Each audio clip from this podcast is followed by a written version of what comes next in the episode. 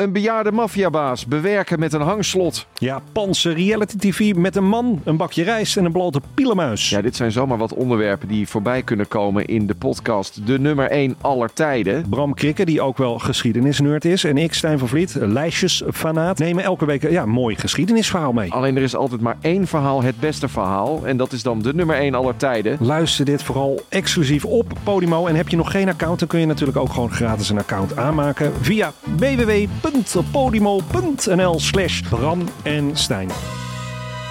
Dit programma wordt mede mogelijk gemaakt door Toto.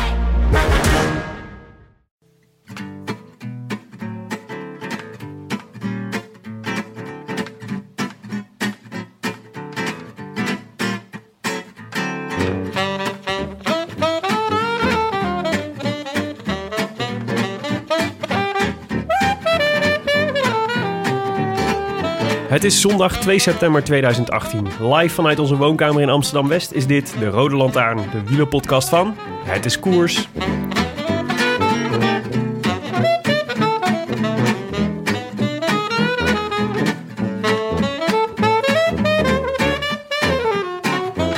Wat kan wielrennen toch vreed zijn? Voor de zoveelste keer dit jaar trok Bouke Mollema in de aanval. En Bouke doet het nooit half. Lange ontsnappingen in bergritten, lossen, demereren, weer lossen, weer demereren.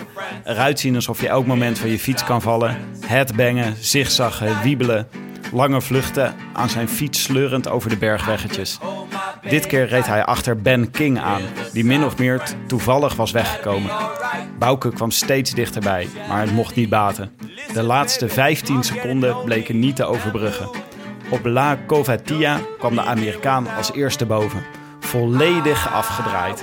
Maar hij hield het tijdperk Mollema dapper van zich af.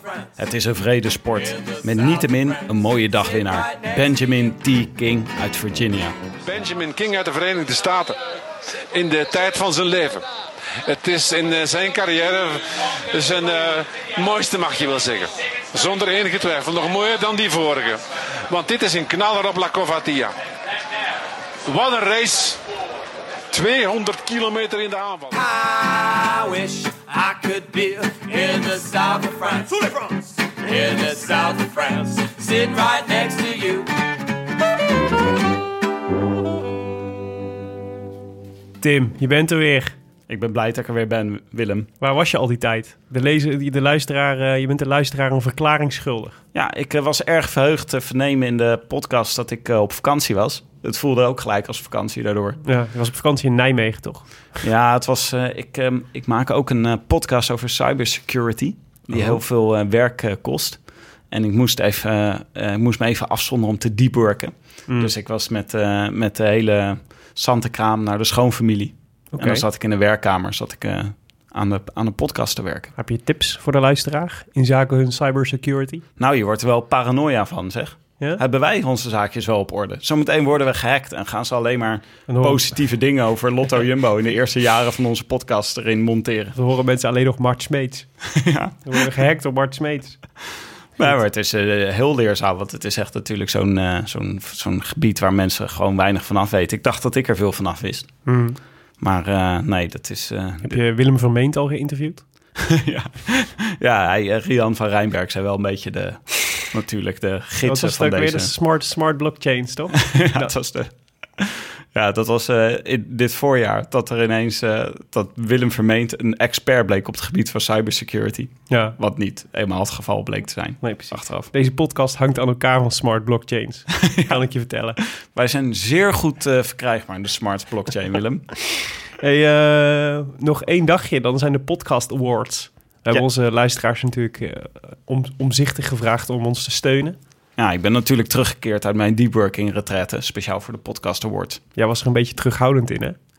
Ja, het is het, is, een- ja, een Vind beetje je het wel... gênant dat we het mensen zo gevraagd hebben om te stemmen op ons? Nee, nee, helemaal niet. Nee, jij had me op een gegeven moment overtuigd, want ik was dus een beetje eh, mogen, mogen, het is onder vier ogen, hè, dit Willem.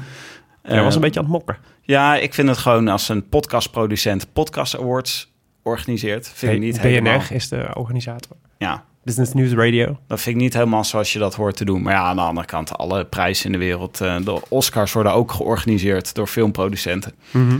Dus eh, op een gegeven moment zei jij... ja, maar als er awards georganiseerd eh, worden... dan moeten wij winnen. Ik weet nooit iets. Dus toen was ik overstag. Ja, precies. Jij wint nooit iets. Maken we kans, denk je hebt toch net... je vorige week vertelde je over je kommetje in Frankrijk. Oh ja, dat is waar. Dat is waar. Ja, Je ja. wint aan de lopende Ja, band. dat was niet echt een kommetje.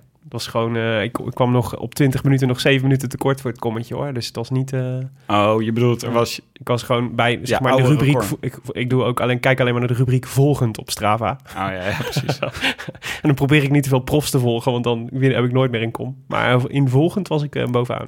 Maar over de, over de podcast award, ja, ik, ik hoop natuurlijk echt dat we winnen. Dus als iedereen, me- iedereen die nog niet gestemd heeft... Oh, Mhm. nee, dat kan niet meer. Het is klaar. Nu is ons lot in handen van Giel Belen en Marianne Zwagerman. Ja, precies. En, en Gert-Jaap Hoekman en Rashid Finch. Ja, En allemaal klinkende namen uit het podcastwereldje. ja wij hebben ze allemaal... eh, eh, we hebben ze allemaal zakken met pistachenoten gestuurd. in de hoop dat ze op ons, de- voor ons kiezen. ja, gesponsord door eh, Neutrale Kijkers. De WK-snack van, van Jordi.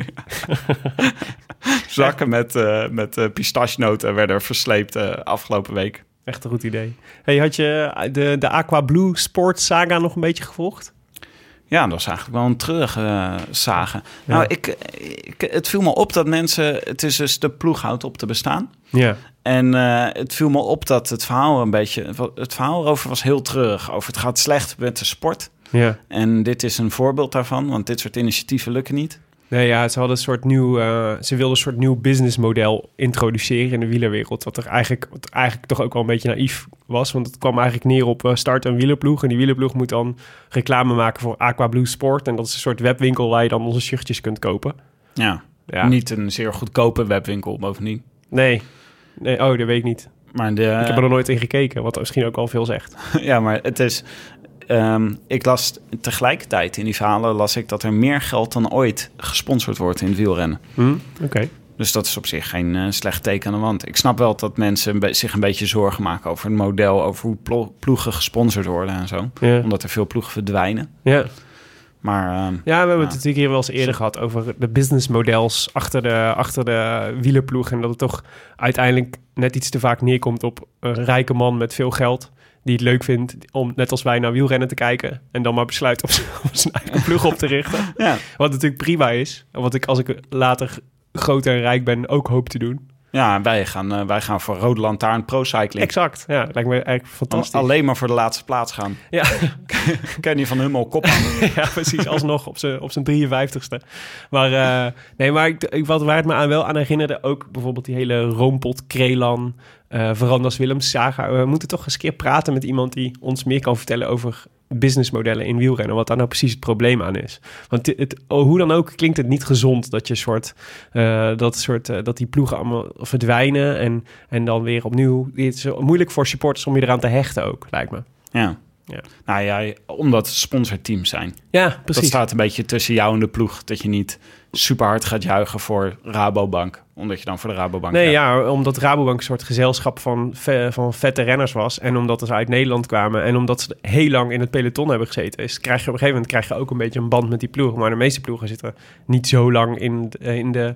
ehm, in ieder geval niet in dezelfde samenstelling in het peloton. Dat je er nooit echt een band mee krijgt. Maar ik dacht, er moet toch ergens een sporteconoom zijn... die ons kan vertellen wat dan wel een gezond model voor wielrennen zou kunnen zijn. Zouden er mensen zijn die een heel, warm, eh, heel warme gevoelens krijgen bij trek? Nee, nou, ik niet. En ik ken ze niet. Jij, Nou, bij- toch? Ja, ik heb... Omdat het tijdperk te rijden. Ja, precies. Ja, oké. Maar had je gehoord dat vandaag dat eh, het- er is dus eh, als, als ik het even samenvat, eh Aqua Blue Sport zou samengaan met Willems Veranda's. Ja. En Willems Veranda's gaat nu toch maar samen met Roompot. Mhm. En nou is Bout van Aert eigenlijk de enige echte topper die bij die twee ploegen, bij die combinatie zou rijden. Die Ja. is boos. Dat was eigenlijk de reden, waarschijnlijk de reden waarom Roompot dacht... oh, dat is wel interessant, we willen wel met Veranders Willems samen. Ja. Ja. En vandaag was, eh, eh, werd Wout van Aert, eh, die wilde... ehm, shit, welke race was het ook weer? Ja, de Antwerp nog iets. Antwerpen nog iets. Ja, Daar reed een hij. hele gekke naam had hij. En dan werd hij de hele tijd teruggehaald door Roompot. Ook omdat, ehm, eh, de, hoe heet die van Roompot voorop reed? God, nou, ik ben wel, ik heb een feitje wel goed paraat. Ik, weet, ik heb die koers niet gezien, ik keek de Vuelta, Tim. Ja, ik ook. Dit is ook. Ik probeer ook iets na te vertellen wat ik gelezen heb, Willem. Dit keer komen we vast op de... Ja, maar Van de- Aert werd de hele tijd teruggehaald door de roompotrenners. Maar daar kon hij zelf alweer om lachen. Bad karma, laten we zo zeggen. Ja, precies. Maar het is ook het is een beetje gek, hè? Want eh, dus stel dat het nou allemaal dat Van Aert nou alsnog besluit om, eh, om gewoon eh, weg te wezen. Van Schip, die zat... Ik moest even Oh ja, ja, ja. Van Met zijn, eh, smalle, met zijn smalle stuurtje, wat op zich een hele vette renner is natuurlijk. Maar hij had er, me- eh, dat, eh, stel dat Van Aert nou alsnog besluit om niet mee te gaan in die visieploeg, waar het een beetje op lijkt. Ja, dan zit je dus met, met allemaal van die, van die, van die tweedehands Belgen in één keer in je ploeg. Dit is niet voor ons, goed voor onze promotiestrategie in Oh België. nee, we wilden juist uitbreiden in de Benelux. ja. Talentvol, talentvolle jonge renners uit België. En heb jij, eh, heb jij nog... eh, eh, je hebt nog gebeld met Jets Bol. Ja, zeker. Twee keer al deze week. Hoe gaat het tussen jou en Jetsen? Nou, goed. Ja. Wat is jouw indruk? Ja, hij is moe. Dat, is, dat was vooral mijn indruk. Dus eh, je merkt... Ja, ik denk dat je... ehm, ik merkte al in, dat, in die telefoongesprekken... die je overigens kunt terugluisteren in onze podcast feed... dat, ze, ehm, eh, dat, hij, nou, dat hij heel moe was. Hij zei dat hij het heel warm had. Wat, nou ja... wat lijkt me logisch als je in lijkt me- 40 graden moet fietsen. Lijkt me twee, twee emoties die andere renners ook ervaren. Ja, maar hij had vorig jaar had hij natuurlijk een super goede eerste week. En ehm, toen eh, haalde hij echt, eh, toen was hij twee keer mee in ontsnapping. En toen werd hij een keer achtste en zo. En toen reed hij virtueel in het rood eventjes. En, eh, en dan daar, onbewust ga je het daar natuurlijk toch mee vergelijken. En nu is hij gewoon, hij rijdt gewoon mee in het peloton. Hij zei dat hij al een keer had geprobeerd te ontsnappen. En, eh, en, maar dat, ja, dat, dat lukte niet echt. Hij zei, ik- op een gegeven moment keek ik om en toen zaten Nibali en Sagan in mijn wiel. dat is dan wel weer vet, dacht ik. En, eh, maar toen zeiden, ja, dan weet je wel wat voor etappe het wordt. Namelijk, daar gaan die grote jongens die willen zich ook mee gaan bemoeien. En, ehm, maar ja, ik had het idee, hij moet er wel echt even nog doorheen komen. En ik- dat, hij zal wel uitzien naar de rustdag. En om even niks te doen. En dan, en dan hopen dat je dan, ja, dat je dan op een gegeven moment dat het, dat het goed valt. Weet je wel? Dat je, erover, dat je het beter verteert dan alle anderen. En dan weer eh, dingen kunt gaan proberen en zo. Want ja, het is toch wel, eh, ja, wat we al zeiden hè, aan het begin. Het is voor hem, hij heeft nog geen ploeg voor volgend jaar. Dus dit is en eigenlijk zijn enige kans om, hem echt, om zichzelf echt in de kijker te rijden. Dus ik vermoed dat wel redelijk... Ik ken die, ik ken die hele wielereconomie ook niet helemaal op mijn duimpje. Maar ik vermoed wel dat er een soort rechtstreeks verband bestaat... tussen de prestaties van Jetse Bol... en zijn kans op een contract volgend jaar bij een, eh, bij een eh, aardige ploeg. Maar dit, dit houdt toch allemaal verband met elkaar? Wij winnen morgen die award, die podcast award. Ja, Vervolgens denkt eh, de nieuwe combinatieploeg Roompot, Willems, Veranda's denken... shit, we hebben nog een nieuwe kopman nodig. We Ja. konden niemand bedenken totdat we de Rode Lantaarn luisterden. ja gek, Jetse Bol is nog vrij. ja. Dit is de domino-theorie van Kissinger, toch? Die je nu... eh, Dit is projecteert, op peloton. projecteert op het wielrennen. Ja, ja, heel goed. Nee, maar ik hoop wel... ehm, hij, eh, hij, hij wekte nog een montere indruk. En ik heb toch altijd het idee... Weet je, als zo'n grote ronde is ook gewoon... eh, is ook een beetje last man standing.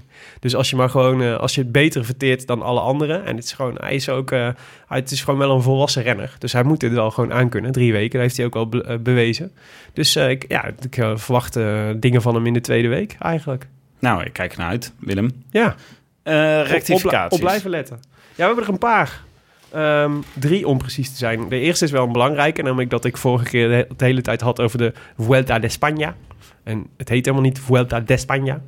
Los van het feit dat dat volgens mij geen correct Spaans is. Maar officieel heet deze wedstrijd de Vuelta Ciclista a España. de wielerronde dat- in Spanje. Ja, nee, ja, dat is belangrijk. En daar werd ik door eh, Jan Joost, JJHVE, eh fijntjes op aangesproken. Heel scherp. Dus van eh, Jan Joost. de Tour de France zegt eigenlijk niet... wij zijn een wielerronde van Frankrijk. Wij zijn gewoon Nee. überhaupt de ronde van Frankrijk. Ja, ja, precies. Al die andere mensen, de wandelaars en de autorijders... dus ook kunnen Ja. we over een ronde praten, maar wij zijn de ronde. Ja, ja, ik vind het best wel dom. Het kan tot veel verwarring leiden Mhm. bij de wandelaars en de automobilisten. Het viel me overigens op dat jij bij eh, de aflevering waar ik vorige keer niet bij was... toen zei jij, er zijn ladingen aan rectificaties binnengekomen. Ladingen! En toen eigenlijk het enige voorbeeld waarmee je kwam was eh, de, de kleren- kleding van Rafa. Oh ja, dat is waar. Volgens mij waren vooral ladingen klachten over de kleding van Rafa ja, ja, binnengekomen. ja, dat bedoelde ik. Heel veel, heel veel. Heel veel Nee, mensen ja, hadden ons geweest op die weg. En mes na mes in mijn rug. In, eh, terwijl ik in mijn, in mijn, in mijn retraite zat. Zo gaat dat, Tim. Hartslag omhoog, bloeddruk omhoog. Twee dagen niet kunnen werken, Willem. Hmm, Oké. Eh, we hadden nog een andere fout gemaakt. Ehm, volgens mij was het of Jonne of ik. Die zei dat Sky de afgelopen vijf tours had gewonnen. Jonna steekt zijn vinger op. Ja. Volgens mij was We Jonne. hadden natuurlijk eh, over mes in de rug gesproken. Is Een mes in de rug van Tom Dumoulin natuurlijk. Die, eh, shit man, dat is alweer vijf, vijf Grand Tours geleden die die won. Namelijk eh, de vorige Tour werd door Thomas gewonnen. De Giro daarvoor door Froome. De Vuelta daarvoor door Froome. De Tour daarvoor door Froome. Ja. En daarvoor Dumoulin. ja. Jee, wel Dus het voelt je wordt overvallen door hoe lang het geleden is. weemoed. Ja. Ja. Het is alweer vier grote rondes geleden dat de Nederlander voor het laatst een grote ronde won. Hij heeft het net ook, hij is net ook twee keer tweede geworden. Dat is op zich ook, eh, Ja, dat is knap, maar dat is niet winnen. dat is niet winnen. En daar ging het waar. hier over. Ja, nee, nee. Goed Ja. punt. En at underscore Nelis underscore. Mhm. Ja, dat is nou Catchy. Zo, ja, het- ja, het is best soort, eh, een soort geïnspireerd door Ton waarvan de eerste O en 0 is. denk Ja, ik. die moet eigenlijk ook nog ergens een underscore in zijn naam. Die, ehm, die, eh, zei, die, zei, die tweette naar mij, mag je ook een reviewer rectificeren in de Rode Lantaarn podcast? Want ik fluit ook graag mee met het Rode Lantaarn intro, maar dat is zeker geen trompet, maar een saxofoon. Ja. Ja, dat klopt. Het is een saxofoon. Ja, dat is wel belangrijk. Dat Ja. is, eh, het is ook van het album Tears of the Tuba. Dus er zit ook een tuba in. Hmm. Neem ik aan. Anders heet het al- album niet Tears of the Tuba. Zoals mijn oma vroeger zei, een toeter is een toeter, Tim. Zei je oma dit echt? Dat weet ik niet. Wat een vrouw. Ze zou het ge- gezegd kunnen hebben. Oké.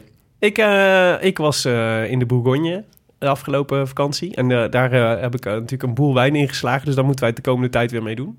Maar de, ik was onder andere gaan fietsen door, het, eh, door de Rulie. Dat is een, eh, een eh, wijngebied in de Bourgogne. En daar hebben ze altijd, gaan ze prat op dat ze de, beste witte wijn uit de Bourgogne hebben. En in de Bourgogne gaan ze prat op dat ze de beste witte wijn van Frankrijk en de rest van de wereld hebben. Dus dit is wel een, een, een nou ja, veel zelfgeprezen wijntje. maar hij is ook echt lekker. Dus eh, ik vind het leuk. Ik vind ook, heb ik meegebracht. ja, heerlijk. De Rulie, eh, eh, nou, ja, ik, ik weet vooral van dat ik, ik ga wel eens met jou op vakantie naar dat gebied. Mhm. En dan, eh, dan gaan we altijd naar de kaven. Ja. En de naam Rulie komt mij zeer bekend voor. Ja, is dat, dat- jouw favoriet ook? Die, ja, neem je altijd Rulie mee? Ja, dit, klinkt, dit gaat heel, gaat heel eh, nu ga ik klinken alsof ik een echte wijnkenner ben. Maar het, eh, 2014 Rulie is mijn, eh, is mijn grote favoriet. en het scheelt natuurlijk per jaar, Tim, wat mijn favoriet is. Hè? Elk jaar heb je een, gewoon een andere, is een andere de beste. Maar de Rulie is wel een, eh, is wel een eh, all-time favorite. Volgens mij ben ik erbij geweest dat we verschillende jaren Rulie hebben geprobeerd een keer. En dat inderdaad in 2014, Ja. dat ze die ook aanraden van tevoren. Dat ze bij de kaven zeiden, je moet echt de 2014 hebben. Ja, maar die is dus op in de kaver. Oh, Ja, tot mijn grote en spijt. die komt niet meer terug natuurlijk. Nee, die komt niet meer terug, nee. Ja, waarschijnlijk- waarschijnlijk dat ik niks van wijn weet. Oké, Oké, proost. proost. Naar de koers. Oh. Zo is het. Cheers, jongens. Ehm, ja, de, de, de Vuelta. We zijn alweer een week onderweg. We, hebben, we, hebben lang, Vuelta Ciclista de España. ja, we hebben er lang niet over bijgepraat. Dus misschien moeten we even, even recap waar we nu zitten in, eh, in eh, Spanje. Dat is misschien wel leuk. Dus we begonnen aan de Costa del Sol. Tingelingeling, hoor jij dan te zeggen? Pardon. Ik was even niet op mijn scherps. Inderdaad. Nou, we, begonnen, we begonnen aan de Costa del Sol. Tingelingeling. Uit- Uitstekend. Eh, daar hebben we een tijdje rondgefietst langs de kust. En toen zijn we eigenlijk het binnenland ingegaan richting het noorden. Dus dan richting Madrid, zeg maar. Maar dan eigenlijk zo'n beetje schuin naar het westen richting Portugal. En daar zitten we nu ongeveer midden in Spanje. Ongeveer eh, een paar... tuss- midden tussen Madrid en Portugal in. En, eh, Maar dit is, dit is echt een gebied in Spanje waar ik nog nooit geweest ben. Zelfs niet in de buurt. Jij wel? Ja, zeker. Castillon? Cas- Castilla y Leon? Ja, nou nee, ik was iets... Ik ben denk ik... Nee, niet zo... Niet daar precies geweest. Maar ik ken het wel een beetje. Hm. Ja, ja, nou ja, we hebben het op tv gezien, toch? Ja, ik Mooie dorpjes. Jeetje, echt heel erg mooi. Ja. Kersenbomen overal langs de weg. Ja, precies. Nee, en, eh, en eh, dus we zitten nu daar en dan gaan we nu langzaam gaan we richting het noorden. Eh, en daar, eh, daar gaat het grote vuurwerk in de bergen, bergen plaatsvinden. Eh, maar ehm, nou ja, dus na, na week 1. vandaag was, gingen we naar, ehm, eh, even kijken, wat was ook alweer de bestelling? La Covatia inderdaad. Een etappe van 200 kilometer. En nou ja, ja, was jij, eh, werd van begin tot eind uitgezonden. Heb jij van begin tot eind gekeken? Nee, ik, nee, ik heb niet. Ik heb later heb ik ingeschakeld. Het was meer vanwege babylogistiek, waar wij ook altijd mee te maken hebben, Willem. Snap ik. Maar, eh, ik Maar je moest eh, op tijd inschakelen om, de, om de, de kopgroep gevormd te zien worden. Want ze gingen eigenlijk... eh, de, de, in de neutrale, neutrale zone was, reed Sagan lek. Dus daar moesten ze nog even op wachten. Dus was een soort vertraagde start. Maar daarna duurde het volgens mij een- maar echt maar een kilometer of zes voordat, voordat de kopgroep wegging. Ja. En, en, en wat voor kopgroep, hoor je dan te zeggen? en, nou, ik, zat, ik, was, ik heb een prachtig intro, introotje bedacht voor deze etappe. Oh, En jij gaat al gelijk naar de kopgroep. Dus ik stond een beetje beteuterd als ik je aan aan het kijken. oh oké. Dacht, Nou, sorry. Mag ik nog heel even mijn introotje doen? Doe jij je intro? Wa- Want deze etappe had eigenlijk twee belangrijke beklimmingen. De Prato del Pico. Mhm. Een klim van 15 kilometer waar sowieso het kopgroepje ging ontstaan. Dat wisten we al van tevoren. Mhm. Eh, en eh, daar eh, wilde jij net een bruggetje naar maken. Maar waar het allemaal om draaide vandaag is de slotklim, La Covatia. Een beginnende klassieker. Eh, dat heb jij er volgens mij bijgeschreven. Ja, omdat, eh, kijk, de Vuelta heeft natuurlijk een beetje... Kijk, de, de Tour heeft eh, allemaal van die legendarische klimmen, hè. De Mont Ventoux en de Tourmalet, de Alpe d'Huez en zo. En, eh, en die, eh, die, die kent iedereen en wil, iedereen wil die natuurlijk allemaal beklimmen. En daar is de Giro en de, en eh, de Giro heeft natuurlijk de Stelvio en de Mortirolo en zo, die een beetje die status hebben ook. En, eh, maar de Vuelta heeft daar altijd een beetje moeite mee gehad om een soort echt klassieke, klassieke klimmen te hebben. En dat moet natuurlijk ook, daar moeten epische gevechten hebben plaatsgevonden en zo. En eh, La Covatia is er wel eentje die, eh, die de potentie heeft om... eh, die, die had ik in ieder geval een keer eerder gezien. Ja. En daar had ik goede herinneringen aan. Onder andere door Bouke. Ja, en en volgens mij was dit de vierde keer of zo dat ze hem opgingen. Zoiets, denk ik. Ja, En, eh, dus- vijfde keer volgens mij. Ja, dus, eh, nou ja, dus als hij in de komende twintig jaar nog een keer of vijf in het, eh, in het eh, schema zit... dan is het een klassieke klim. Ja, oh ja, maar ik snap het ook wel. Want het is gewoon een schitterende klim. Want het is, het is een vrij korte klim van 10 kilometer. Ja. Het is zeg maar voor de klimmers die met heel veel kracht zo'n berg op kunnen rijden. Iets meer dan voor de hele lichte springveren. Ehm, maar eh, het was vandaag nog steeds 32 graden in Spanje en het waaide hard. Dus het was Ja. echt eh, het was niet makkelijk. Maar het, aan, onderaan de klim is het heel erg zigzaggen. Door allerlei kleine weggetjes, korte afdalingjes en zo. Door, maar vooral ook door zo'n prachtig dorpje zeg. Ja, Dat, eh, je bedoelt dat het dorpje waar ze... met die, Candelario met die, eh, met die kinderkopjes waar ze Ja. omhoog moesten. Ja, Ja. dat was prachtig, ja. Dat was echt een soort muur waar ze nog op moesten rijden. Zo Ja. vlak voor de klim. En volgens mij het leek me alsof, alsof echt een gedeelte van het peloton daardoor nog steeds best wel verrast werd. Ja, Want eh, ik had ook, Michel en José, die waren ook van, oh ja, we wisten wel dat deze eraan kwam, maar hij is wel echt pittig. Ja, nou, een beetje classic Vuelta toch? Dat ze gewoon alle stijgingspercentages verkeerd afdrukken en zo. Ja. ja. Jetse Bol zei ook in een telefoongesprek dat hij in het routeboek... dat ze iedere keer de, de, het profiel van de etappe zo schuin printen... zodat het leek alsof het minder stijl was dan het eigenlijk was. dus dat hij, dat hij eigenlijk een soort vervormende, vervormende bril nodig had... om het echt goed te kunnen zien. Om, het, om de moed erin te houden bij de renners. er is ook nog niemand afgestapt, maar dat berust dus allemaal ten dele op een misverstand. Dat al die sprinters die denken, oh, het valt nog wel mee wat we voor de kiezer krijgen. Ja, klopt ja. En eh, in 2011, eh, dat was die etappe dat Mollema tweede werd. En Dan Martin won. ja. Achter het hobbelpaard. Niet gezien vandaag. Nee, ik ook niet. Mollema nog in het shirt van de Rabobank zag ik in, eh, want ik keek nog even de etappe terug. Of het laatste stukje van de etappe. En ja, dat was jammer. Martin was wel echt te sterk toen. Maar ik was het vooral, het was 2011 nog maar, dat hij in het, in het shirt van de Rabo reed. En dat was ook de Vuelta, dat hij het puntenklassement in de, in de Vuelta won. Dat was Ja. ik ook helemaal vergeten. Dat is ook, eh, het puntenklassement in de Vuelta is als een puntenklassement nergens anders. Nee, het is een soort rare optelsom van van alles. Ja. Ja. Gewoon, Het is niet eh, voor de beste sprinter of zo, nee. Nee, gewoon hoe leuk je bent bij de barbecue. Ja. Of je als eerste bij de start bent en zo. Ja, precies. Maar goed, de kopgroep ontstond waar die eh, gedacht werd te ontstaan. Namelijk bij het eerste klimmetje. Ja, de alle, ja, het allereerste klimmetje al meteen, inderdaad. En eh, een mooie kopgroep. Mollema, Tom Lezer zat erbij voor Lotto Jumbo. Dylan Teuns, Thomas de Gent. Reto Hollenstein, dat is de, de grote favoriet van Frank Heijnen. Dus die zal er wel blij mee zijn. Eh Jesus Esquera, Esquera. Luis Math. Dat is, eh, die was van Caja, Caja Rural. Luis Angel Mate. Ik had toch gehoord dat jij in Spanje ook nog hebt gewoond, Willem? Aan jouw Ik doe uitspraak. daar mijn best over, voor. Kenneth van Bilzen en eh Aritz, Ar- Aritz Bagues. Hmm. Ja. En eh sla, je, sla je Ben King expres over? ja. En Ben King.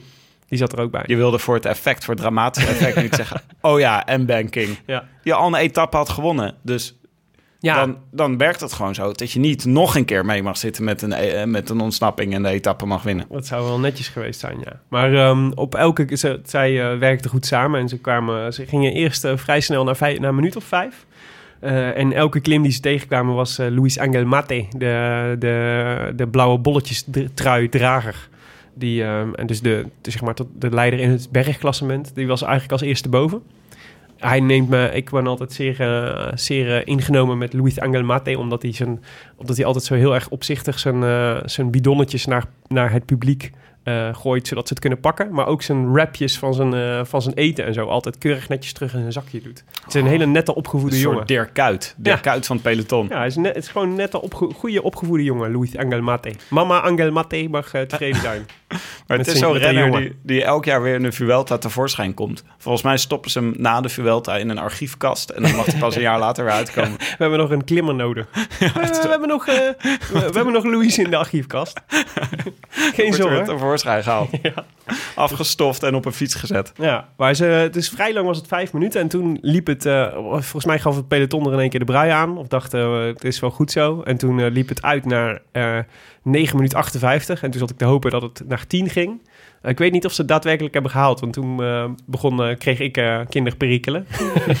en toen ik terugkwam was het alweer iets minder. Als ze die prijs morgen niet winnen, Willem, dan komt er door onze kinderperikelen. Ja, dan zeggen ze, de Rode Lantaarn, hoog gescoord op alle categorieën, maar logistiek zeer zwak. Precies. Maar ehm, ja, ja, het was eigenlijk eh, tot aan het... eh, nou ja, je, je ziet dan, ze, rijden met die groep dan de finale in. En eh, het blijft keurig samenwerken. Maar meestal als het zo 30, 25 kilometer voor de finish is... dan weet je al wel, dit gaat eh, met 11 man. Dan gaan, gaan mensen proberen te demareren. Volgens mij was Thomas de Gent de eerste die, eh, die aanging.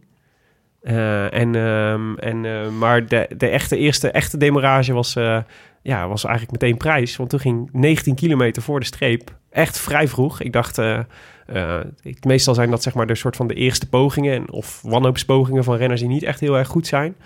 Maar ehm, Ben King die ging op, eh, op 19 kilometer. En En, dit was eh, in het dorpje, hè, in het mooie Candelario, Ja, op, de, op de kasseien. En je zag eh, Mollema even kijken. En die bleef zitten. Vervolgens. Ja, en, eh, en Louis Mas ging wel mee. Ja, Volgens mij was King, die ging achter Mas aan, toch? Mas die ging eerst op kop en toen ging King er volgens mij weer overheen. Nou, in ieder geval, Mhm. eh, het was wel een beetje demereren en, eh, Ja, en overnemen. En het leek me een moment voor Mollema waarop hij, hij dacht... de Gent is volgens mij de beste in deze groep. Ja. Dat zei hij ook achteraf, dat, Ja. dat hij dacht dat de Gent de beste was. En dat hij een beetje erop gokte dat de Gent hem ging terughalen. ja. Want Mollema had zelf ook al een paar keer mensen teruggehaald. Ja, en veel op kop gereden ook. En, eh, en King, eh, eh, hij, zei, ja, hij pakte vrij snel anderhalf minuut. En dat is wel veel. En dat daar- los van dat, je, dat we niet zo goed wisten of het nou zo'n hele goede klimmer was... en dat Mollema een betere klimmer is. Maar na 200 kilometer, ik vond dat het verschil wel snel opliep. En Ja. ik, mm, ik, wist, ik zat te kijken namelijk op het moment dat hij aanging, King. En toen ik zag Mollema twijfelen. En ja, achteraf is dat makkelijk, eh, makkelijk praten natuurlijk. Maar dat is, als je het dan hebt over de, de moment the race was won, zeg maar... Ja. Ja, de, de, de, de fout was natuurlijk dat hij mee had moeten gaan. Ah, maar dit was pokeren. Dit was ook Ja. gewoon gokken dat Thomas de Gent de beste was. en dan zo. dat hij erachteraan gaat rijden. Ja, het is geen Want King had al een keer gewonnen. Nee, nee, ja, ik neem het altijd op voor het tijdperk. maar ja, het was, eh, het je zag hem ook echt zo eh, naar de zijkant van de weg gaan, Mollema. Echt zo en kijken van wie gaat er nu achteraan. Ja. En, Ja, nee, hij, ja. hij zei het ook na afloop. Dus dat hij inderdaad, hij rekende op de, op de... Hij had gedacht dat de Gent de sterkste was in de groep. En, eh, en eh, dat, hij het, dat hij het wel zou oplossen. Maar toen ze anderhalf minuut, toen King anderhalf minuut had, was de Gent naar hem toegekomen en had gezegd: Als je nog iets wil, dan moet jij doen, want ik ben niet goed vandaag. Ja. Het was even een zure tegenvaller voor, voor, Bouke. Want toen moest hij nog even anderhalf minuut dichtfietsen. Hij, kwam, eh, ja, hij, kwam, hij ging op 8 kilometer, ging die, dus echt aan de voet van La Covatia, dus de eindklim. Eh, hij sprong achter hem aan. Ja, en eh, ja, ik bleef... Ik, het was toch... Iedere keer dacht ik, het wordt net wel of net niet. Net wel of net niet. En het, het, dat verschil, zeker in het begin, liep snel terug. Van die anderhalf minuut werd heel snel een minuut. werd 50 seconden. Werd 30 seconden, werd 20 seconden. Maar ondertussen zag je ook het kilometertellertje zo teruglopen. ja. En eh, ja, je wist, nou, de- de- we wisten dat drie kilometer voor het einde of zo werd het, eh, of 2,5 kilometer voor het einde werd het weer wat, ging het wel wat afvlakken. Nou ja, Mollema is natuurlijk echt in het voordeel op het moment dat het gewoon steiler wordt ten opzichte van King. Daar Ja. pakte hij ook de winst. En hij kwam tot 20 seconden en toen 15, 15 seconden. seconden, ja. En, eh, en toen liep het weer op na 20 seconden. ja, toen was het... Toen op een gegeven moment, als het dan weer op gaat lopen, toen knakte het, zeg maar. Een beetje, denk ik. Ja, Maar het was, eh, het was echt een, eh, wat een heldhaftige strijd was. En Mollema kan ook zo leiden. Dat je dan echt zo... Ik zit zelf met pijn achter mijn tv naar Mollema Ja. te kijken. Ja, het- ik, dus ik had een paar keer het idee dat, eh, dat King aan het kraken was. Maar dan ging die motor er een beetje naast rijden. En dan zag je dat hij er toch echt best wel tempo op had. Maar hij, had echt, hij fietste zo'n zware versnelling.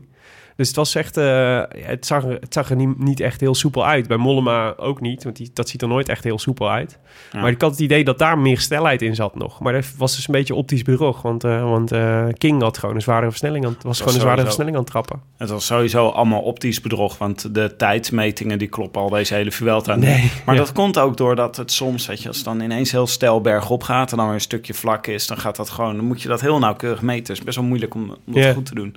En dat zag je hier nu echt. De hele tijd inderdaad. Het was de hele tijd. Je, Mollema leek echt sneller, eh, sneller te rijden. Ja. Maar ik ben ook echt. eh, ik word heel erg enthousiast van het beeld van de aanvallende Mollema. Ik Ja. heb echt veel gezien dit seizoen. Ja, ja, heerlijk toch? Ja, nou, deze Vuelta ook al. Dit is al de, de tweede keer dat hij tweede wordt. Dat hij gewoon in de beslissende ontsnapping erbij zit. Ja. En de finale echt, eh, echt medekleurt.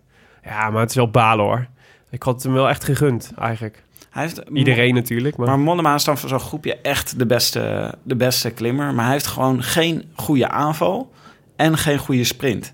ja, Dus dat maakt het gewoon een beetje moeilijk voor hem om deze strategie te hanteren. Want daardoor zie je ook elke keer... Of het wordt net als met Van Avermaat... dat hij dit seizoen de hele tijd overal tweede wordt... en volgend seizoen ineens ze allemaal pakt. ja, ja, Maar ik zie, dat hij, eh, ik zie gewoon nog niet hoe hij echt een wapen heeft... om het dan af te maken. ja. Hey, want mijn nachtmerrie was eigenlijk van... eh, hij, gaat bij, eh, hij gaat erbij komen bij King... en dan legt King hem er alsnog op in de sprint. Ja. Ja. Want hij heeft als enige wapen eigenlijk hem eraf rijden. Hopen dat King dan knakt... omdat hij ineens Ja, het tijdperk in zijn achterspiegel... Ja, in zijn achteruitkijkspiegel Nee, dat klopt. Ja. ja, maar hij heeft, wel, dus hij heeft wel veel pech gehad al. Dus, dus hij was, was natuurlijk derde in, in San Sebastian. En, eh, en nu dus inderdaad tweede in de, wat was het, de vijfde etappe volgens mij werd hij, eh, werd hij geklopt. Ja. Door Clark. En, Oh, ja. eh, en eh, nu inderdaad door King. Ja, het is niet, eh, dat, is toch, dat is toch kloten als je drie Ja. keer tweede wordt. We gaan misschien nog Eén keer lukken. derde en twee keer tweede.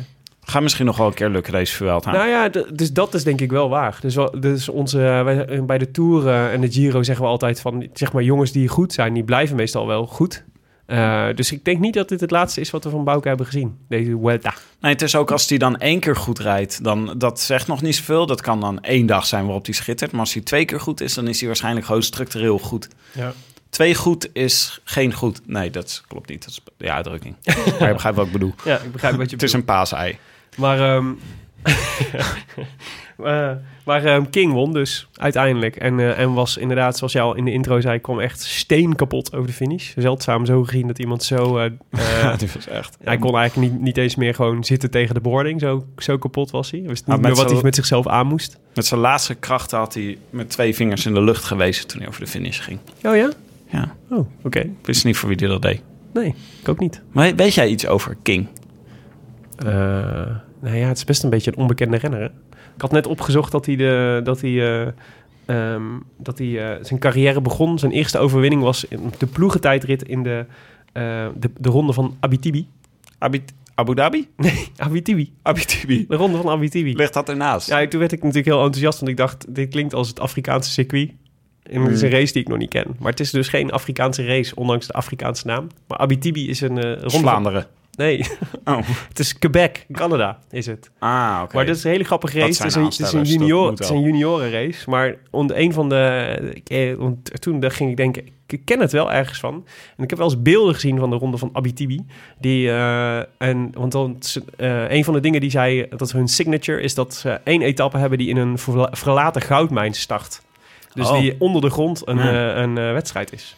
En, dan, eh, en die, die start dan, zeg maar, die gaat best wel lang door zo'n oude goudmijn, door allemaal van die eh, verlaten gangen en zo. En dan gaan ze met zo'n helling van 17% gaan ze zo uit de mijn en dan komen ze op een circuit terecht en daar rijden ze nog rondjes. Dit klinkt, als, klinkt meer als de Giro. Ja, Dat- het klinkt heel erg als een Giro, ja. Misschien gaan die wel een keer starten, die goudmijn. ja. Ja, ik vond het wel mooi. En dus, eh, het staat vast wel een filmpje op YouTube ergens, want ik heb het ook ergens gezien. Dus misschien moet je dat maar even kijken. De ronde we- van Abitibi. en we kennen hem natuurlijk, omdat hij Gandhi speelde. En omdat hij Gandhi speelde. Ja, Ja. Zeer verdienstelijke rol. En, in Schindler's List had hij ook.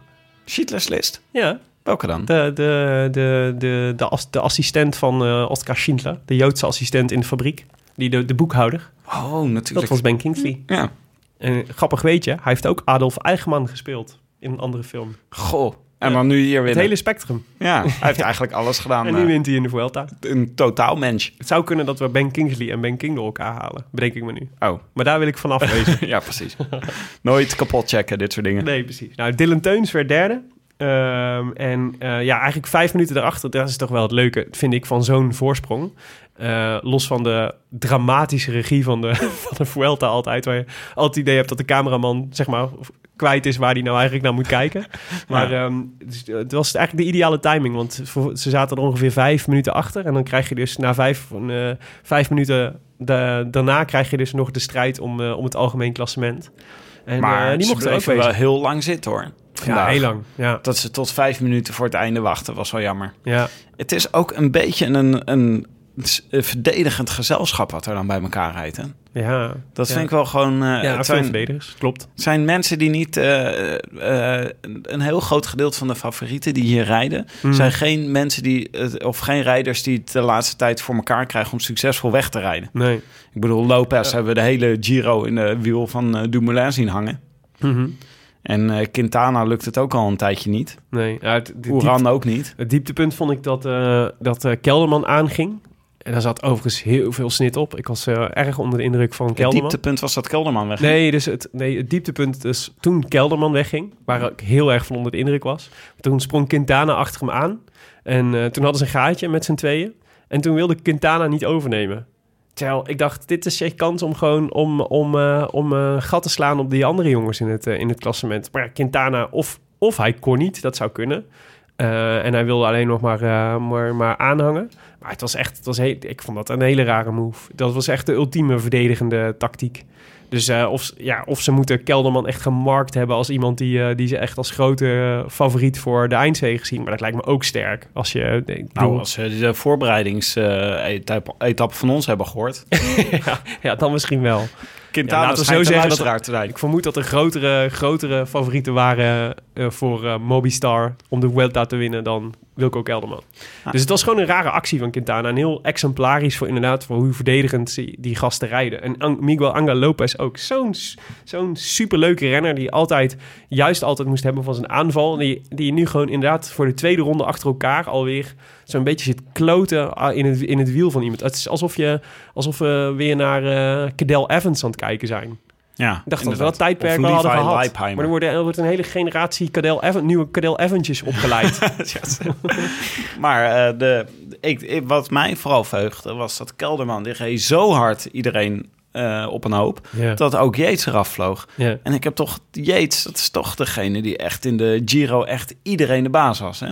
ja, Dus dat vond ik wel... de eh, eerste twee weken. Ja, totdat wij ingreden. Maar in principe... Ja. Nee, dat is waar. Nee, nou, Kel, nee, hij was heel goed, Kelderman. Hij zei het ook, dat, hij zich, dat, hij, dat dit zijn beste dag was tot nu toe. Wat ik echt heel verheugend vind voor eh, wat er allemaal nog komen gaat. Ik begreep niet helemaal Want dat was het idee, hè? Dus- Hij gaf heel verwarrend commentaar na afloop. Hij zei... Ja, ik eh, voelde me niet zo goed. Maar eh, ja, ik voelde me vandaag gewoon heel erg goed. Zei hij na afloop. Ik denk dat hij gewoon moe- ik denk dat hij 200 kilometer gefietst had op het, eh, op het randje en helemaal kapot was. Dus misschien niet zo helemaal helder antwoord meer kon geven. Oh, ik interpreteerde het als... Ik voelde me deze Vuelta nog niet zo heel goed. Dat dat pas begon te komen. En dat ik nu... Dat hij nu voelde Ah, van... oh, ik ben heel goed. Ja, ik, ik dacht dat hij, zei, dat hij bedoelde, ik was nog niet zo sterk als dat ik vandaag was.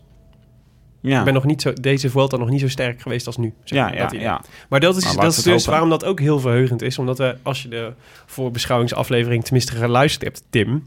Dan was dat, eh, dan was dat eh, de, Ik heb eh, alle messen luid, Oh luid en duidelijk ontvangen. Maar dat is de, de theorie rondom Kelderman was. De, de, de, onzekerheid zat hem in het feit dat hij weinig koersdagen had gehad. En het fijne wat daarvan is dat je nog fris bent. Maar dat betekent eigenlijk dat je, dat je in de Vuelta ehm, eh, koershardheid op moet doen. En beter moet worden naarmate de, de koers vo- vordert. Nou, ik vind het heel hoopvol dat hij na zeven dagen koers zegt... eh, beter is dan op dag één, zeg maar. Dus ik denk, Ja. als hij die lijn kan vasthouden...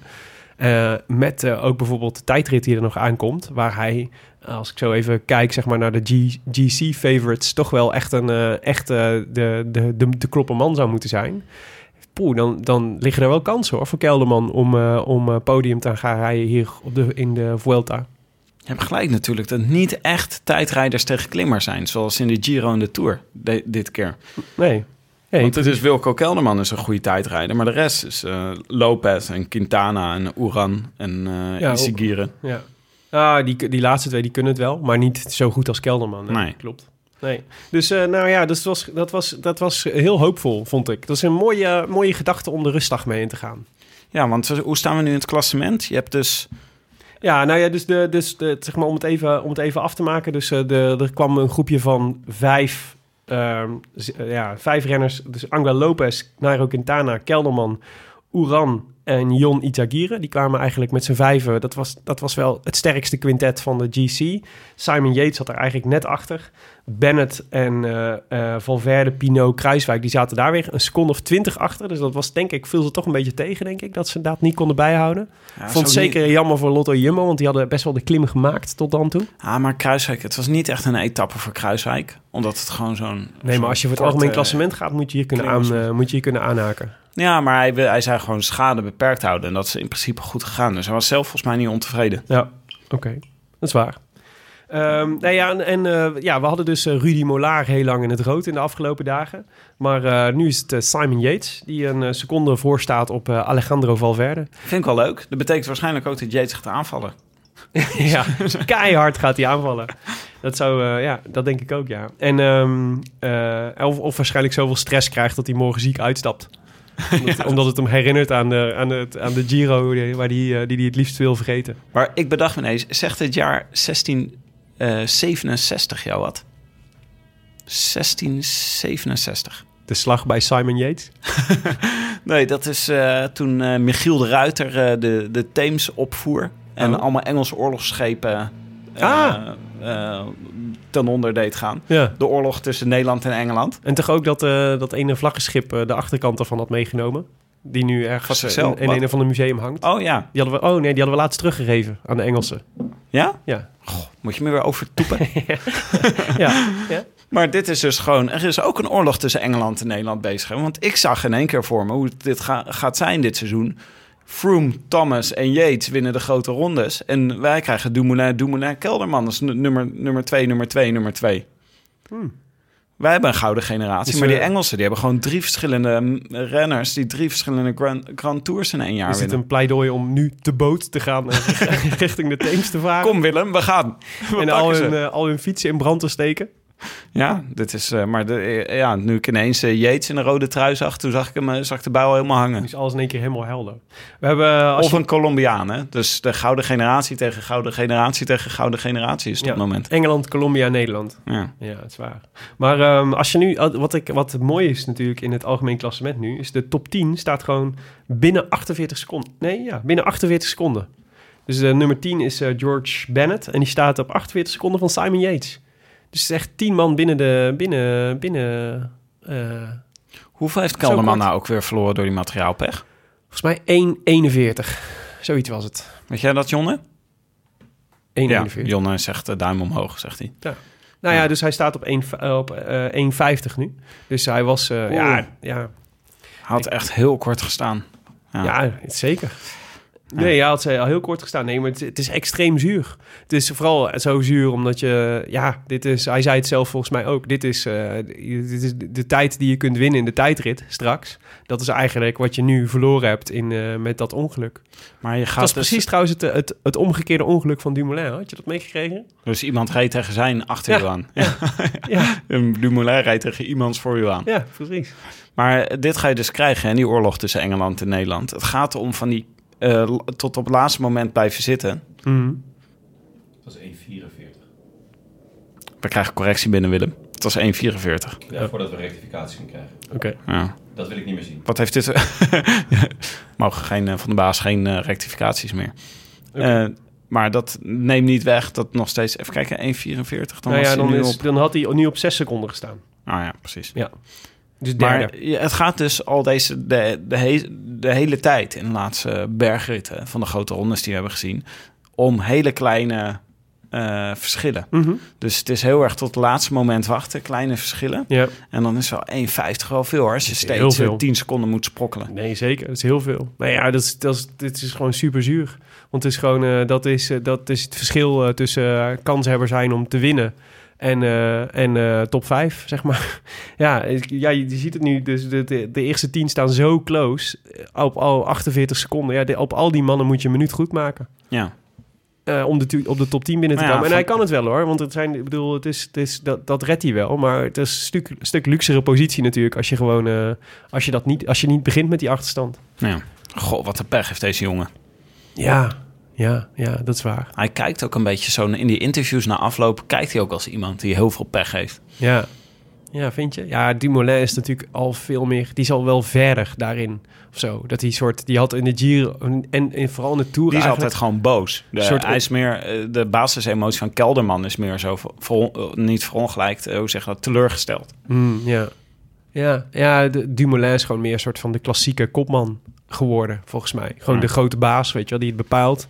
En Kelder, Kelderman lijkt me ook iets bescheidener in dat opzicht. Zie jij Ja. Kelderman eh, blaffen naar eh Geske dat hij eh, verdomme een keer eh, op kop moet rijden? Ah, ik zou Kelderman graag een keer willen, ik zou ook echt graag een keer met Kelderman willen praten. Iemand Lijkt vertelde me ooit dat Kelderman, eh, dat, hij, dat het moeilijk is om met Kelderman om te gaan, omdat hij voor zijn ploeggenoten, omdat hij best wel veel aandacht nodig heeft. Mhm. En, maar op een manier van dat hij snel in de put zit en dan snel weer zich heel erg goed voelt en dat, dat die emoties heel snel alle kanten op gaan. En Mhm. dat dat soms moeilijk is. Ja.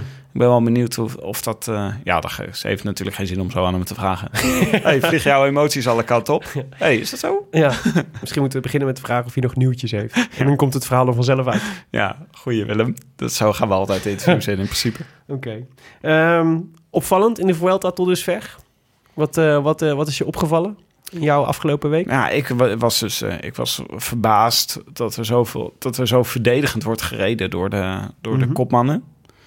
Ehm, de, ja, eh, dat we nu een week, een week in de Vuelta, dat je van tevoren naar het schema kijkt en je ziet zoveel bergen en zoveel dingen, zoveel momenten dat er dingen kunnen gebeuren, Ja. dat ze elkaar nog niet echt aangepakt hebben. Mhm. Wat heb jij? Ehm, nou ja, de pech van Kelderman. Valverde alweer op twee rit, dat hij alweer op twee ritzegen staat. Ja, moest wel echt, moet wel echt laten gaan als, het, als ze echt gaan rijden vandaag. Ja, maar ja, hij heeft, zijn, zijn Vuelta is alweer geslaagd. Hij, volgens mij rijdt hij hem als voorrijding op het WK. Eh, en eh, dus niet, niet voor het algemeen klassement. Ik denk dat hij straks gewoon dat hij misschien nog een weekje voor Quintana rijdt en dan, eh, en dan afstapt en zich gaat voorbereiden op, Ja. op het WK. Maar dan heeft hij ja, twee ritzegers op zak. En in de komende week staat er ook nog wel, een, staat er ook nog wel iets op het programma waar hij wat mee kan hoor. Dus eh nou ja, dat. En King is natuurlijk dat die twee ritzegers in één week. Dat is natuurlijk ongekende luxe voor zo'n renner die, ik denk, eh, bijna niemand in zijn tourprono heeft opgenomen. Nee. Het is toch een beetje... Zo, dan ben je wel aan het cashen als je hem hebt. Ja, ja, ja, ja, precies. Nou ja, als je hem hebt, dan eh, terecht, want eh, dan heb je het goed gezien. Ik had het niet gezien, in ieder geval. Ehm, ja, en ik, ik vond, wat ik het leukste vond eigenlijk, was die, ehm, die, dus die rit van Valverde die die gisteren won. Met die, dat, was, dat vond ik zo'n bizarre uitslag. Die rit, dat was dus Valverde won en Sagan werd twee, Danny van Poppel werd drie, Jon Izagirre werd vier. De- wat doet Danny van Poppel Nee, maar een soort, dat is dus, dus de top 10. Valverde, Sagan, Van Poppel, Izagirre, Nizzolo, Herrada, Yates, Lambrecht, Garcia Cortina en Kruiswijk. Dat zijn dus dat zijn tien renners die in, in geen enkele wedstrijd, zeg maar, in de top 10 bij elkaar zouden hebben staan. Dus dat zijn klimmers, algemeen eh puncheurs, eh, klassieke sprinters.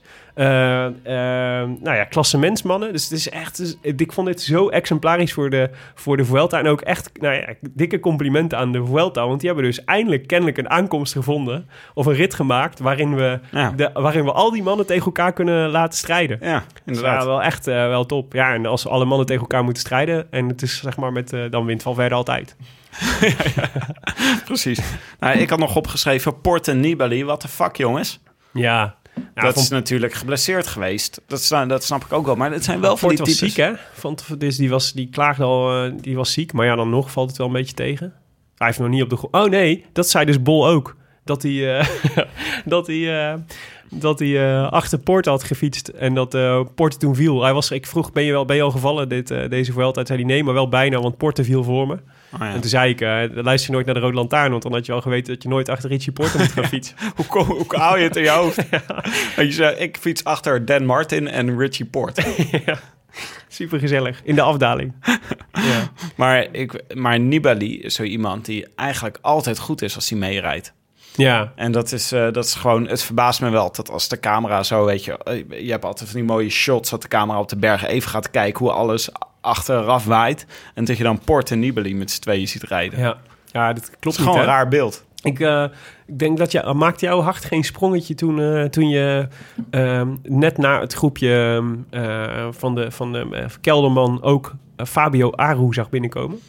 ja, de, de fietsende ventilator bedoel je. Nou, ik was oprecht wel een beetje verbaasd dat hij daar reed. En eh, toen dacht ik, hij dit, staat best goed ook in het zegt dit eh, nou iets over mijn, eh, over mijn verwachtingen van Fabio Aru? Of is hij, er, eh, is hij er echt een beetje aan doorkomen? Hij is elfde staat in het klassement. Ja. Op, eh, op eh, 1 minuut 8. Nou ja. Ja. Weet je, dat, je zal het net zien. Dan laat ze Aru laat ze gewoon fietsen in een van die etappes. En dan denk je, oh, daar gaat Aru weer. Ja. Aansteller. laat, laat maar, laat maar rijden. Laat maar rijden. Dan Heb je gezien in de afgelopen minuten. rondes? Ja, Ja. het is een scenario dat ik niet uitsluit, Tim. En ik weet wie hier op de bank gaat zitten juichen als dit, dit gaat gebeuren. En zijn, eh, zijn eh, Avengers muziekje weer opzet. Ja, precies. Ik word gewoon enthousiast als hij demareert. Ja. Hey, komende week, morgen is dus rustdag. Waar ehm, de meeste vol- renners volgens mij zeer naar uitkeken. Al is het alleen maar om eh, gewoon een dagje even in de schaduw te kunnen zitten. Ja, inderdaad. In een ijsbad. En ehm, eh, dan hebben we een etappe die start in Salamanca. Ben je ook nooit in Salamanca geweest, Tim? Nee, daar waren ze nu vlakbij. Hè? Het was de provincie was Salamanca. Salamanca Was, is echt is een student. Het lijkt een beetje op Nijmegen. Het is Oh een, ja? eh, een hele leuke studentenstad. En ze hebben er ook echt een hele goede feestweek. Dus ook daarin lijkt het op Nijmegen. Ah, ja. Dus ja. ik denk dat het jou wel bevalt. ja, ik ben een liefhebber van Nijmegen. Maar het is dus een, dus eh, van Salamanca, denk In ik. het routeboek staat dat het een vlakke etappe is. Maar ja, we hebben de afgelopen week allemaal gezien wat vlak betekent in Spanje. Waarschijnlijk zit er één, eh, één eh, buitencategorie klim in die ze over het hoofd hebben gezien. Eh, Jonne stuurt ons altijd vooraf aan zo'n eh, aan een ronde stuurt hij ons een, een overzichtje met etappes die interessant zijn, die we, die we moeten volgen, met kleine beschrijving erbij. Ja. En hij weigert ook gewoon om over vlakke etappes te spreken in, in Ja, die- Spanje. die bestaan Spaans vlak. Nou ja, dus vlak, vlakke etappe en eigenlijk, ehm, eh, nou ja, dus laten we zeggen heuvelachtig. En dan vanaf vrijdag gaan we, weer, gaan we eigenlijk weer de bergen in. Met vrijdag, zaterdag en zondag aankomst de berg op. En vrijdag is dan is, eh, La Camperona. En dat is, een, dat is eigenlijk een hele makkelijke klim. Met één eh, trick, namelijk er zit één stukje in van 25, met, van 25 procent. Oh. Wat, nou ja, wij, ik was in de voorbeschouwing was ik heel enthousiast over dat ik een stukje, een etappe had gevonden met een etappe met 23,7 procent. Dit is gewoon nog een stuk steiler. Maar dat gebeurt, dan gebeurt er toch eigenlijk nooit wat? Juist die Nee. beetje zo het halfslappe klim. Het is ook volgens mij best een, eh, best een kort stukje. Dus het is, Ah. Maar het is natuurlijk leuk om te zien, hè? Maar misschien is juist de rest van die klim, die niet zo moeilijk is, een uitstekend moment om weg te rijden. Ja, dat zou goed kunnen. De etappe 14 is wat dat betreft, dus dat is de zaterdag-etappe. Dat is helemaal dat is naar Les Praieres de Nava. Mooi gezegd, Willem. Ja, ik weet niet of ik dit goed uitspreek. Hoe dan ook, maar dat is dus een... Les Paris de Nava. Nee, nu doe je gewoon Braziliaan. Oh, pardon. Het ligt wel vlak bij Portugal, maar het is hem niet. Nee, ehm, eh, en dat is een nieuwe berg, dus daar kunnen we nog niet heel veel over zeggen. Die hebben we in ieder geval niet op YouTube staan. Een nieuwe berg? Ja, Wat bedoel je daarmee? ja, die hebben ze net Was speciaal voor niet? Dat is dat project van Thijs Zonneveld. Ah, die ligt daar. Ja. Ik snap het. En, ehm, en zondag gaan we naar Lagos de Covadonga. En die ken je wel, toch? Dat, is dat niet die berg waar eh, Quintana Geesink terugpakte? Heel goed. Twee jaar geleden inderdaad. Geesink Ja. die eh, de grote ontsnapping deed. En Quintana die hem, eh, nou ja, vlak, eh, niet vlak voor de finish, maar wel bijna vlak voor je de finish. zo boos op Quintana altijd? Nou, nee, want dit was wel de hier hier won die wat. Ik vond het zonde dat Geesink toen niet won, natuurlijk. Want dat is altijd leuker. Maar nee, ik- toen, dan, toen ging hij tenminste nog in de aanval, Quintana. Maar toen dachten we allemaal nog dat hij 25 was. Hè? Ja, dat is inderdaad... Oh, ja. Terwijl Eh, toen al een super ervaren renner was met 40 dienstjaren achter de rug. enorm veel wedstrijdritme opgedaan. ja. Maar wij zijn er woensdag weer. ja, we moeten... e- Ja, precies. Dus laten we even naar de administratie gaan. Want dat aangezien we er aanstaande woensdag weer zijn... betekent ook dat we woensdag weer een voorspelbokaal hebben. Oh ja. Maar we moeten even de, de voorspelbokaal... want dat lijkt alweer eeuwen terug, of eeuwen geleden. Maar we hadden natuurlijk een voorspelbokaal lopen voor de proloog. En eh, dat, was, eh, dat was inderdaad een proloog. Ik, had, ik heb het teruggezocht op Strava. En bij de meeste renners was, het, eh, was hij, was hij 7,9 kilometer. Dus dan mag het proloog heten. Want de grens ligt bij 8 kilometer, zoals je weet. Dus mensen die de bocht iets ruimer nemen, die hadden Die natuurlijk hebben een, geen- ja, die hebben een openingstijdrit gereden. ja, ja, dat is waar. Mm, ja. Als je slecht bent in bochtjes, dan is dat echt een probleem. Maar ehm, nou ja, die, die voorspelbokaal was een prooi voor Jonne. Want Rowan Dennis won eh, ja, volgens ieders verwachting eigenlijk wel de tijdrit, de, de proloog. Een van onze luisteraars, Alex van der Hulst, die zou dit intellectuele armoede noemen. Intellectuele ja, armoede. Om hier met Rowan Dennis aan te komen. Dat is waar. Maar de Kingdom of Rohan won weer eens een, eh, won weer eens een proloog. Eh, jij had Kwiatkowski. Zat eh, eventjes op de hot seat, mocht even hopen. Die deed het echt verrassend goed, vond ik. Ik echt heel vet. ontzettend veel verwacht van Kwiatkowski deze Ja, hij rijdt best een aardige eerste week. Ja, maar hij, is niet, eh, hij was vandaag niet eh, bergop. kan hij niet ik, zag, ik zag ook vandaag, dus de eerste, De La Cruz, de eerste Skyrunner, werd volgens mij vandaag 19e. Je moet dus volgens mij echt, je moet denk ik echt diep in de analen van de... Van de voor een, sky, van de, skyloze eh, Vuelta. Ja, nee, en voor, een, voor, een, voor überhaupt een grote ronde of een berg, aankomstberg op waar de eerste Skyrunner 19e wordt. Het is echt, eh, ja, het is, ja, het is gewoon niet goed. Niet goed genoeg. Waarom is Wout Poels eigenlijk niet eh, hier mee met Sky? Ja, omdat hij de Giro en de Tour al heeft gereden. Oh ja, maar de Giro was een soort herstelronde van hem. Ja, oké. Ja, geen Ja, in het geen jaar derde. rijden. Dat snap ik ook wel. Maar had gewoon eh Maar het is, een van de eh, twee moeten knechten en gewoon... eh, Ja, maar ze gingen oefenen. Het is, het, het is een soort test voor Kwiatkowski ook. Hè? Of hij, die of hij drie weken als kopman ook aan kan. Met De La Cruz Ik weet samen. niet of, of, de, of Brailsford dit positief gaat evalueren dan. Ja, nou ja, die proloog was in ieder geval veelbelovend. En hij, zit, hij kan gewoon niet mee als het echt super hard bergop gaat zoals vandaag. Maar hij zit er dan wel weer niet heel ver achter of zo. Dus het gaat best wel aardig, het experiment. Maar ik denk dat Poels was eh, veel interessanter geweest ja, om hier als kopman uit te spelen. Sowieso voor ons. Ja, Goed. Maar ik had eh, Castro Viejo en die, eh, ja, die reed matig. Zesde of zeven of zo. ja maar die rijdt altijd goed, maar die wint zelden. Ja, ja. Nou ja, eens moet de eerste keer zijn, Tim. Je Ja, moet zo'n jongen ook vertrouwen geven. Ja, maar het is ook mooi creatieve keuze, vind Ja. ik, van je. Intellectuele rijkdom. Ja, intellectuele rijkdom, absoluut. Een intellectuele keuze, Willem. Maar eh, er waren echt heel veel mensen die Rowan Dennis goed hadden. Dus ik, ik was begonnen aan het lijstje te maken van de mensen die het allemaal goed hadden. Maar toen dacht ik, we moeten niet nog een uur vullen met gewoon het voorlezen van namen. Ehm, dus dat was echt veel te veel op, om op te noemen. We hebben tegenwoordig een nieuwe notaris. Notaris van Eyck. En die eh, heeft de loting gedaan. En die koos Nico Tol als eh, de winnaar van vandaag. En die mocht dus de groetjes doen. Nico, kom er maar in. Hallo Rode Lantaarn, ik wil graag de groeten doen aan Aaron Koekoek, een medewielergekkie. Prachtig gezegd, Nico. Leuk hè? Denk je dat Nico uit Volendam komt? Omdat vanwege de naam Tol. Nico Tol. Ja, Ja. dat is toch echt een eh, echte Volendamse naam. Ja. Maar, mooi. We hebben een nieuwe, een nieuwe voorspelbokaal. En niet de makkelijkste. Dus eh, we komen er niet met eh, Rowan Dennis te noemen deze keer. Want eh, we gaan eh, aanstaande woensdag zijn we er dus weer. En woensdagavond eh, kunnen we dus de winnaar bekendmaken van de voorspelbokaal van woensdag overdag. Dan gaan we van Montbui, Montbui naar Ribera Sacra.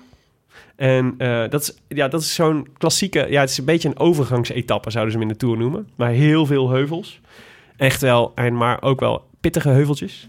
Ehm, en die is 207,8 kilometer. Ik heb eh, vanavond nog de, de voorspelbokaal op onze Facebookpagina gezet. Dus daar kun je het, het eh, parcours al zien en dan je, en dan je gok doen.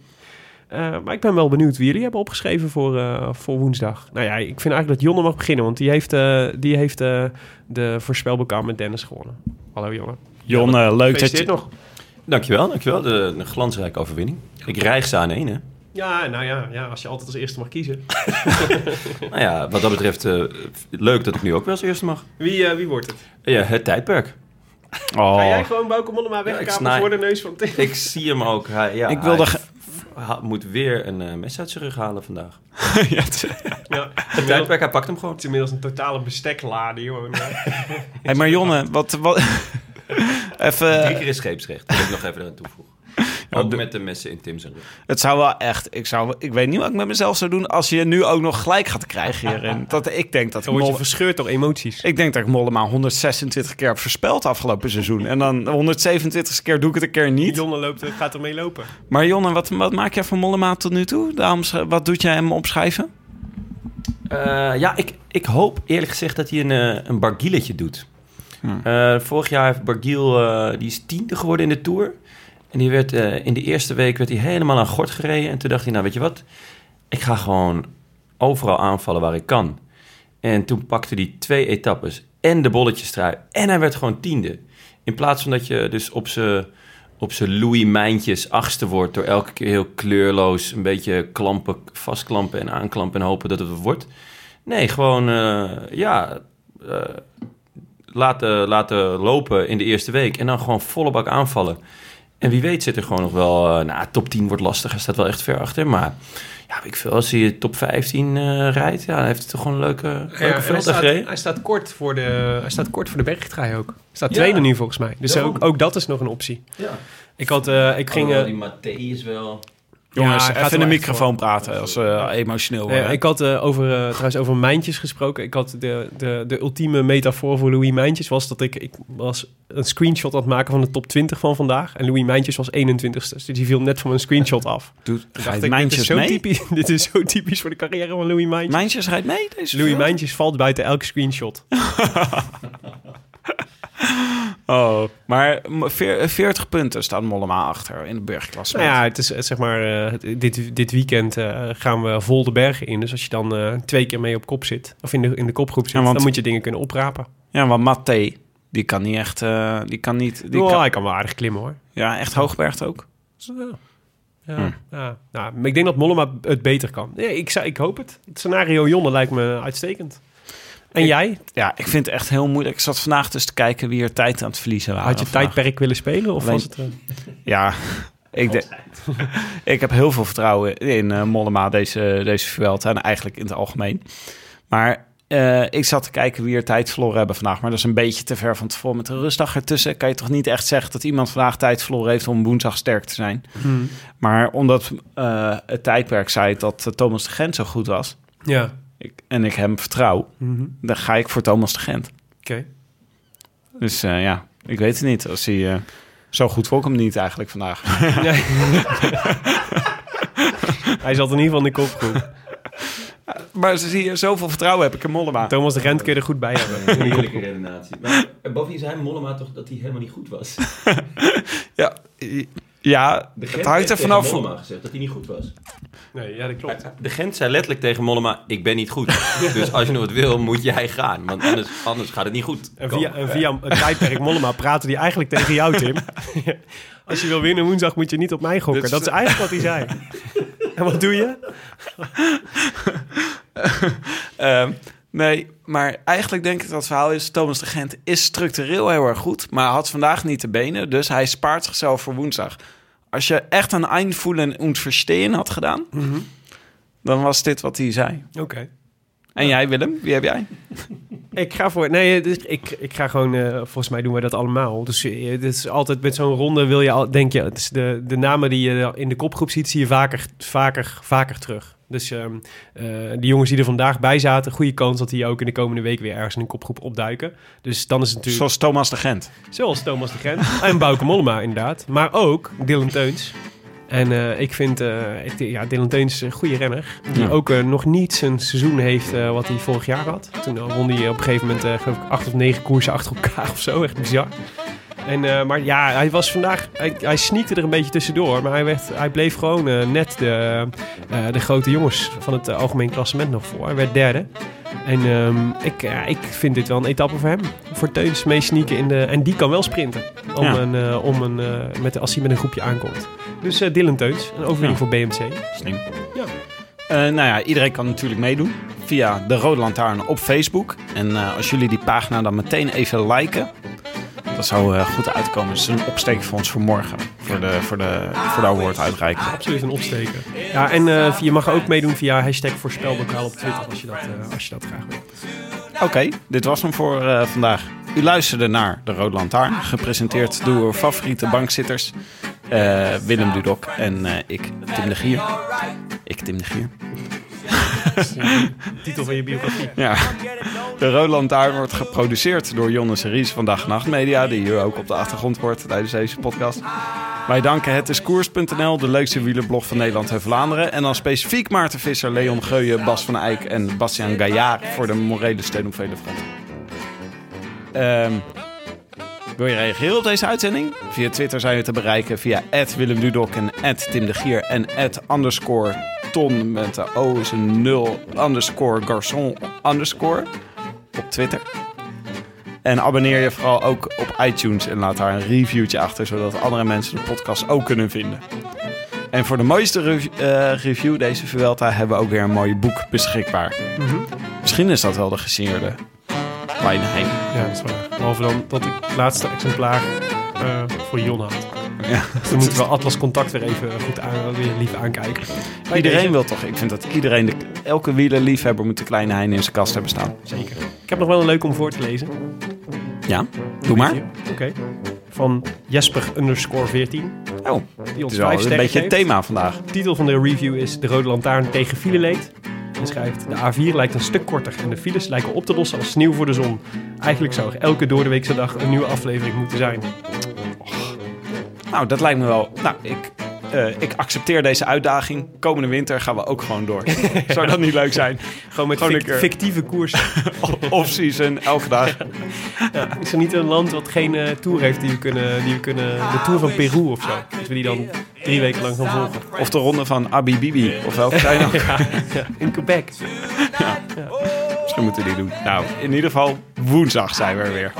Eh, ja, inderdaad. Misschien zijn we nou wel award winnen. Of we, Oh, zijn, dat we lopen zou met mooi onze zijn. ziel onder Als de we arm. award-winnend zijn, dan, eh, dan drinken we champagne. En anders iets heel I'm sterks. lonely and blue. Als we niet doen. Ja, inderdaad. Just Tot being here woensdag. without you. A biento. I wish I could be in the south of France.